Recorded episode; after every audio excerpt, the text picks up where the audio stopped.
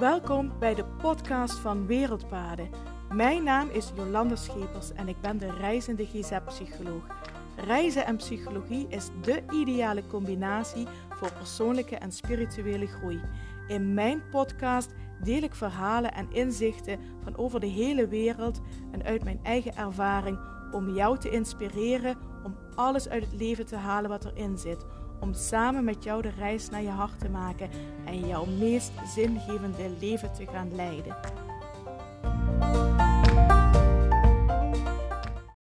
Hallo, hallo en super fijn dat je wel luistert naar de podcast van Wereldpaden. Het is vandaag maandag 23 mei 2022. Tenminste, dat geloof ik dat het 23 mei is. Heb ik even niet gecheckt. Ben af en toe een beetje met de dagen in de war. We zijn inmiddels twee dagen in Himbaland. En we zijn ook al twee dagen met John, onze gids, op pad geweest. En zijn uh, gisteren en vandaag in een Himba-dorp geweest. En uh, John is onze gids en tevens onze tolk. John is uiteraard ook een Himba. En uh, hij heeft ervoor gekozen om een modern leven te leiden. Hij is naar school gegaan. En hij vertelt dat dat nogal tegen de wil van zijn ouders is geweest. Dat hij dat heeft gedaan. Dat hij naar school is gegaan en een modern leven is gaan leiden. Zijn ouders hadden eigenlijk gewild dat hij een traditioneel leven zou gaan leiden. Net zoals zij dat doen kunnen wij ons bijna niet voorstellen hè, dat we onze kinderen adviseren om niet naar school te gaan. Maar ehm, hier gebeurt dat dus. John vertelde ook dat het heel moeilijk is om het te combineren. Traditioneel leven en modern leven. En als je naar school gaat, is het al bijna zo dat je per definitie de keuze maakt om een modern leven te gaan leiden. En dat je eigenlijk uh, niet meer terug kunt naar het traditionele leven. Hier in de omgeving zijn ontzettend veel kleine dorpjes. Het dorpje bestaat meestal uit een familie. Gisteren zijn we in een dorpje geweest. En uh, ja, het was echt heel fascinerend. ik heb zoveel te vertellen, ik weet niet eens waar ik moet beginnen met vertellen. Gisteren kwamen we aan bij het dorp en eh, daar zat een man, een oude man van in de 60, die zat bij de Holy Fire. In het dorp is uh, een vuur, dat is het heilige vuur. En um, de Himba geloven in God, maar ze geloven ook in hun voorouders. En ze zitten vaak ook bij met name de mannen niet de vrouwen, maar wel de mannen bij het heilige vuur. Dus we hebben de hele tijd bij die man gezeten, hebben gepraat over het leven. Um, over het leven uh, als Himba, over het leven um, dat wij leven, over corona. En uiteraard hebben we deze oude man ook uh, geïnterviewd daarnaast ehm, hebben we ook met de vrouwen, er zat een hele groep vrouwen, hebben we ook meegepraat. De vrouwen van de Himba, die smeren zich elke ochtend in met een combinatie van vet, een soort oker dat ehm, komt van een steen, een roodachtige kleur. En dan malen ze poeder van en daar smeren ze zich elke dag mee in. Daarvoor krijgen ze ook die rode kleur. Als je die Himba vrouwen ziet, die zijn helemaal rood. En dat komt dus van dat smeersel. En waarom doen ze dat? Dit is hun manier van zich schoonhouden. Himba vrouwen gaan nooit onder de douche. Dat klinkt misschien heel vies, maar dit is hun manier van schoonhouden. Dus dat doen ze elke ochtend. Himba-vrouwen hebben ook prachtig haar. Het zijn striemen van klei. Um, zeg maar staartjes haar worden striemen van klei.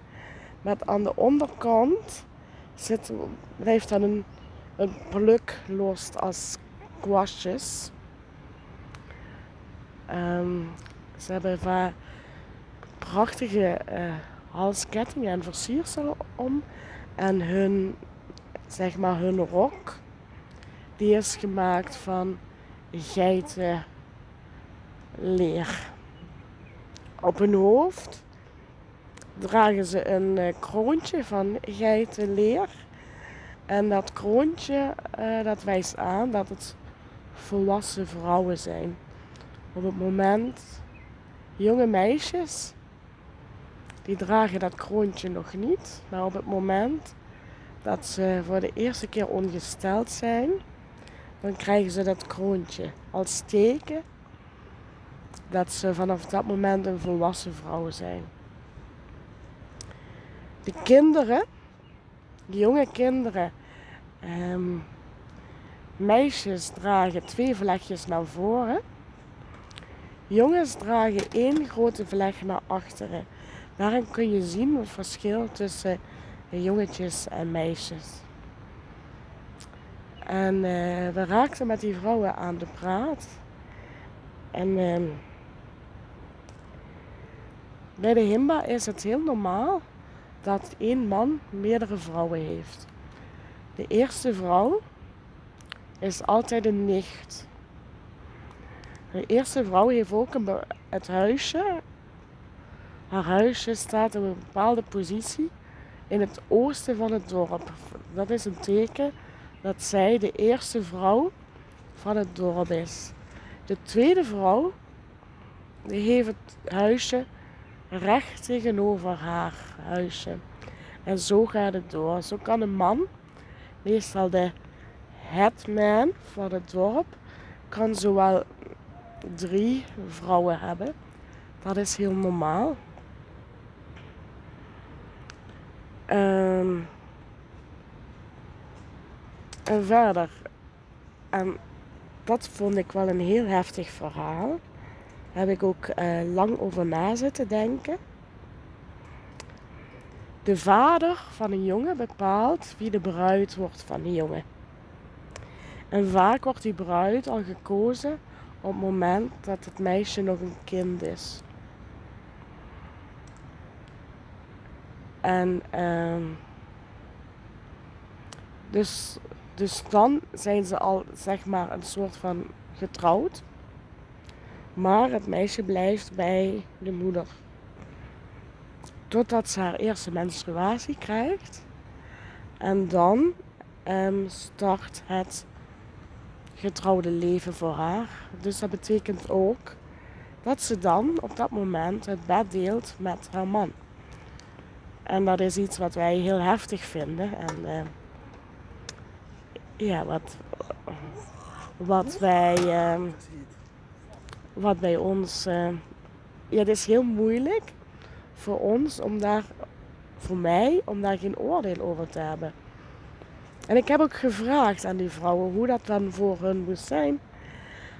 Wat ik zei toen ik, hè, eerste menstruatie, 12, 13 jaar. Ik zei, ja, toen speelde ik nog met, uh, met mijn poppenbewijzen van. En ik vroeg, ja, hoe was dat dan voor jullie? En helaas krijg je daar geen antwoord op. Het enige antwoord wat daarop gegeven wordt is van ja, maar dat is onze traditie. En dat is het enige antwoord. Ik denk namelijk dat de vrouwen nooit zullen vertellen hoe het echt voor hen is. We hadden het erover dat dit in Nederland verboden is. En John, onze gids, vertelde ook, hij was zich daar ook wel bewust van, dat dit in, uh, in het Westen iets is wat verboden is. En waar Westerlingen ook wel echt een oordeel over zullen hebben. En uh, uiteraard vind ik dit moeilijk om te horen.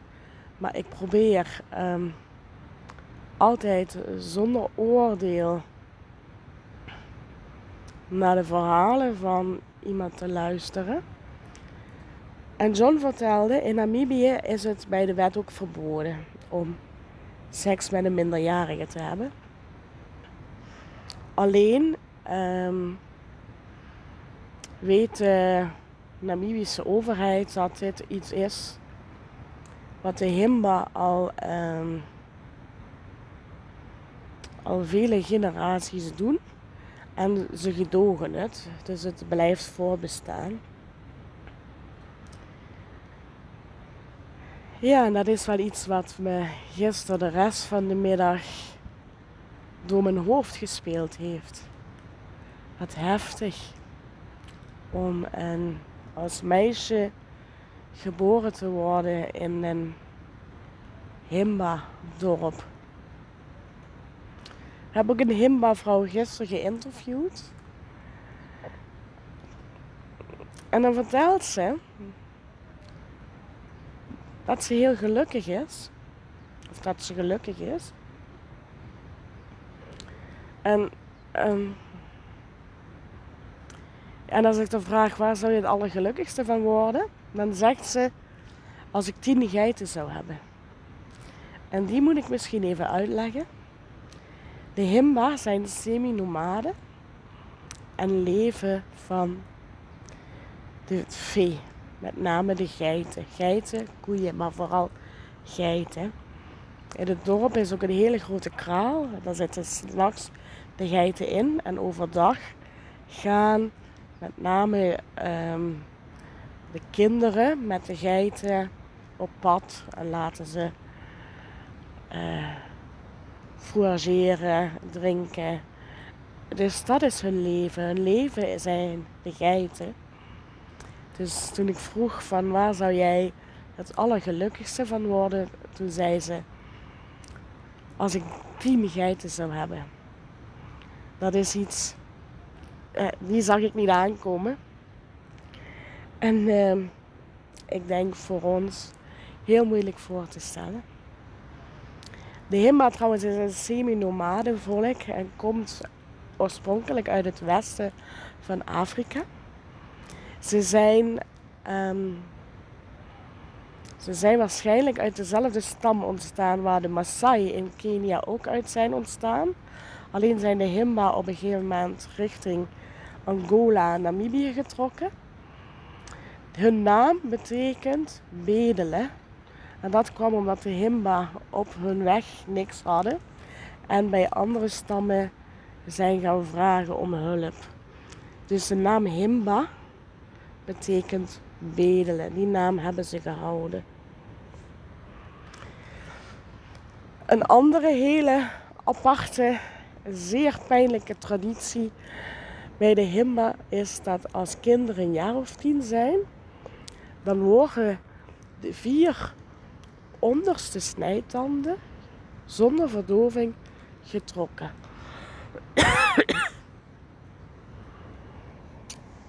Ik vroeg wat daar de reden van was, uiteraard. Waarom zou je zoiets pijnlijks doen? Dat weet eigenlijk niemand meer, maar ze doen het omdat het een traditie is. Dus als je ook rondkeek in het dorp, had iedereen miste zijn vier onderste snijtanden. John vertelde wel dat het tegenwoordig wat minder vaak gedaan wordt omdat als kinderen naar school gaan, um, ze problemen krijgen met het uitspreken. Dus dan wordt het niet meer gedaan. Het wordt wel nog gedaan. En niemand weet waarom. Maar ze blijven het doen omdat het een traditie is. En ik dacht, wat een zeer, zeer, zeer pijnlijke traditie. Dus ja, de leefwijze van de Himba. Totaal anders dan onze leefwijze. En ja, in hun gebruiken en tradities zitten ook wel dingen die wij als Westerlingen ook, um, ja, waar wij eigenlijk niet achter staan. Waar wij van zouden zeggen, oh dit is um, strafbaar, dit kan niet goed zijn. En toch heb ik geprobeerd, uiteraard, om zonder oordeel naar het verhaal te luisteren. Want de leefwijze van de Himba houdt zoveel meer in dan dat. En het zou zo jammer zijn. Ik wil geen volk veroordelen. Maar het is wel heftig. En dat heeft me wel de hele dag bezig gehouden. Gisteren. Vandaag gingen we naar een ander dorp, een wat groter dorp. Was wat verder weg.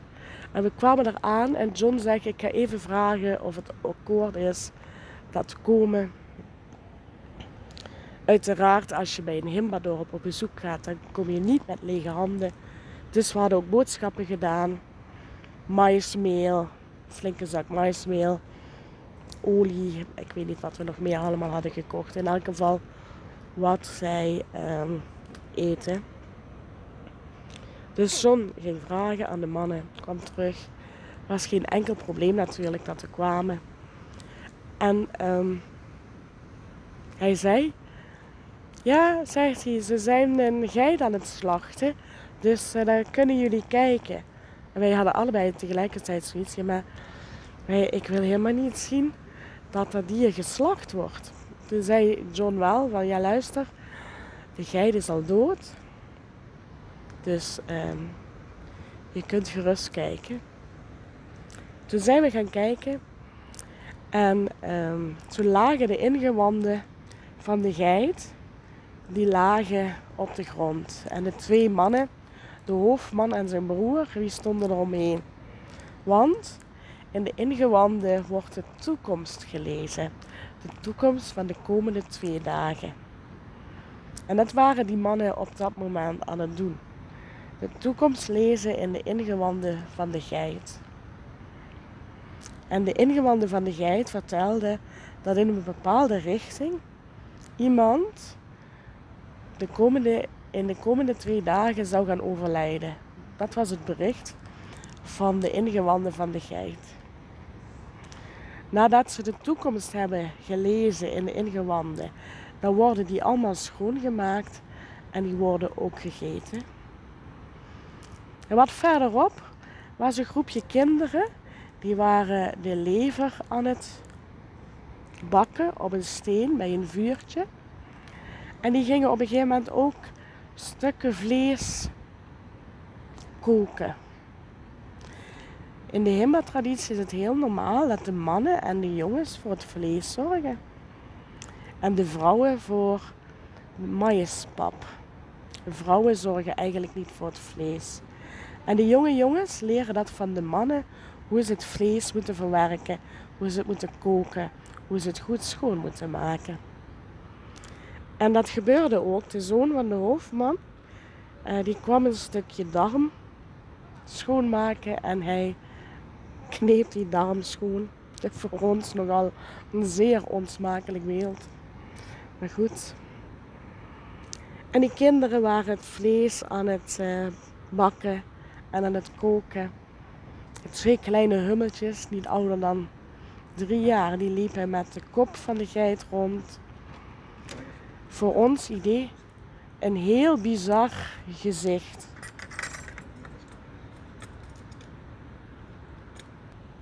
een zielig gezicht. Eigenlijk voor uh, iemand die uh,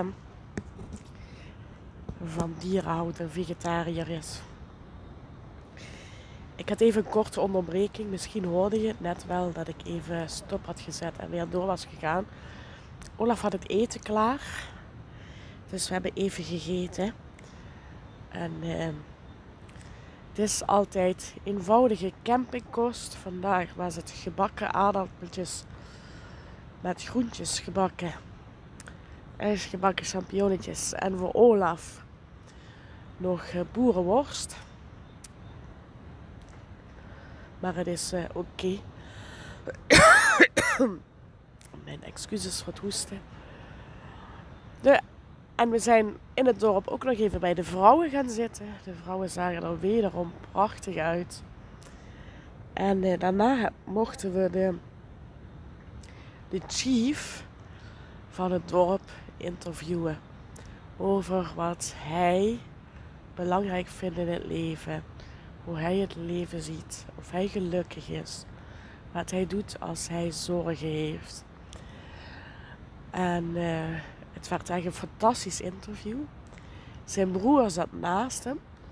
Die ging zich op een gegeven moment ook in het gesprek uh, voeren, uh, mengen. Dus het werd op een gegeven moment meer een gesprek dan een interview. En het was echt heel mooi om te zien en te horen hoe, uh, hoe verschillend we zijn. Maar ook in de kern ook weer zo hetzelfde zijn. En zo op zoek zijn naar hetzelfde. Hè? Gelukkig zijn, je fijn voelen, een fijn leven leiden. Dat is toch in de kern wat we allemaal uh, willen. De chief vertelde dat hij heel veel zorgen had. Want um, er heerst de afgelopen jaren een enorme droogte in Namibië. Dat is een groot probleem voor de Himba.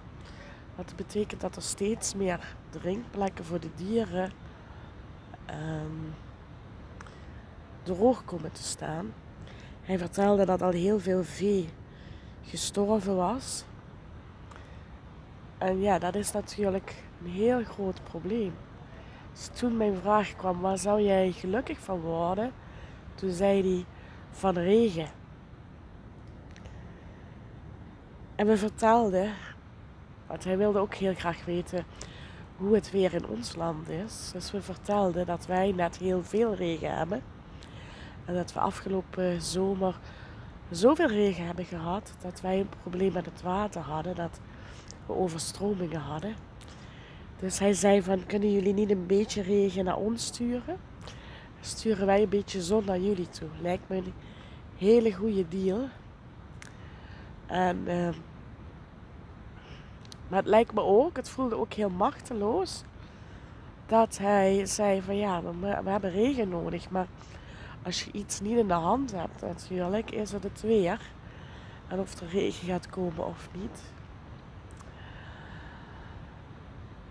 En wat mij enorm raakte in allebei de dorpen, was toen we het gesprek met elkaar waren aangegaan. In eh, Himba vrouw vroeg nog aan mij hoe mijn leven eruit ziet. De Himba hebben trouwens geen enkel idee hoe wij leven. Ik dacht toen we in Tibet waren dat de Tibetanen een van de weinige volkeren was die, uh, die niet weten hoe wij in het Westen leven, omdat ze zo afgesloten leven door de Chinese overheid. Maar zowel de Himba als de Bushman hebben geen flauw idee hoe wij in het Westen leven. Dus we hebben hun dat verteld. En uh, de headman van het dorp van vandaag zei ook: Ik kan wel zien dat jullie een comfortabel leven leiden. Dat jullie komen aanrijden met een auto. Dus jullie kunnen overal heen reizen. En hij zei ook dat hij heel blij was dat wij boodschappen hadden meegenomen. Want heel vaak, als zij echt grote boodschappen moeten doen, um, als ze wat kleinere boodschappen moeten doen, dan zullen ze hier naar Epupa komen. Dat is een, Maar als zij andere spullen willen hebben, dan moeten ze naar Opuwo. En Opuwo ligt op 180 kilometer hier vandaan. En er is maar één manier om daar te komen en dat is lopend. Dus zij gaan lopend 180 kilometer heen doen boodschappen en lopen vervolgens met de boodschappen 180 kilometer terug. Ik kan het me niet voorstellen, maar dat dat de manier moet zijn om boodschappen te doen. Heel heftig. En gisteren in het dorp vroeg ook een man, toen ik vroeg van heb je nog vragen aan ons? Na het interview. Toen zei hij, geloof jij geloven jullie ook in God? En ehm, ik kan vertellen hoe eh, ik God zie en wat ik geloof. En toen zei hij ja, eigenlijk precies hetzelfde zoals wij het zien. En ehm, voor mij, ik weet niet of ik dat ooit gedeeld heb in een podcast. Voor mij is God alles. God is alles. Het is de natuur, het hele universum. God is niet één persoon voor mij. God is alles. De natuur, het universum en de brandende goddelijke lichtje in ons allemaal. Dat is onze zielen. En dat is wat ik geloof. En dat is wat ik vertelde. En Olaf vertelde ook, zegt hij, voor mij is God de natuur. En toen zei die man, oh, dan geloven we precies hetzelfde. En dan vind je op een gegeven moment zoveel herkenning en erkenning bij elkaar. Terwijl je uit zo verschillende levens komt. Het, de tegenstelling kan bijna niet groter zijn. En dan blijkt dat we in de essentie hetzelfde geloven. En dat vind ik altijd heel erg bijzonder. En wat mij tenslotte ook heel erg raakte, was er in beide dorpen dat we weggingen, dat ze zeiden: Uiteraard dank je wel. Wij hebben ook uiteraard dank je wel gezegd voor dat we op bezoek mochten komen, dat we mochten interviewen. En ze zeiden: Jullie zijn nu vrienden. En vandaag in het dorp zei de oude man: Jullie zijn nu een broer en een zus voor ons. Want jullie hebben ons geholpen. Jullie komen hier met boodschappen. En jullie komen, we hadden nog wat medicijnen achtergelaten. Jullie, voor jullie zijn familie. En jullie zijn altijd welkom in het dorp. En het voelt dan zo verbindend dat mensen ja, die je eigenlijk amper kent, maar waar je echt het gesprek mee aangaat, echt het gesprek, echt over het leven, dat je meteen in de verbinding zit en meteen de verbinding samen voelt. En dat vind ik zo bijzonder. En waar ook ter wereld dat je komt en hoe groot de verschillen ook zijn en hoe anders het leven ook is, dat die verbinding er is. Want we zijn in de kern allemaal mensen en in de kern allemaal hetzelfde. En uh, ja, ik denk dat dat een mooie les, een wijze les ook weer van deze reis is. Olaf en ik gaan nog even afwassen. Ja, jij. Oh, ik weet niet of jullie dat konden horen, maar Olaf heeft weer gekookt. Olaf die zegt jij. Dus eh, ik moet wel zeggen, Olaf kookt altijd. Want ik heb zo'n schurfthekel aan koken. Olaf kookt thuis altijd. Dus ik heb ook twee linkerhanden als het om koken gaat. Dus hij kookt hier ook altijd. Dus die, hij heeft ook wel recht dat ik de afwas doe. Maar misschien, als ik geluk heb, komt hij wel nog even helpen. Want dat heeft, dat heeft hij de andere dagen ook altijd gehad. Ja, dan kom jij niet helpen als ik aan het doen ben. Ik hoop niet dat jullie dit allemaal kunnen horen, dit dan commentaar. horen. Dat, eh, ik eh, zou zeggen, dankjewel voor het luisteren.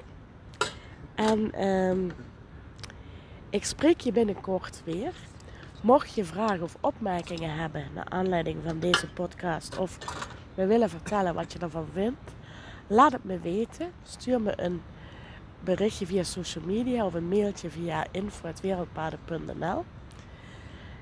En zodra ik eh, het berichtje zie, zal ik er ook op antwoorden. Maar ik ga er eigenlijk vanuit dat alle podcasts online komen op het moment dat wij weer terug in Nederland zijn.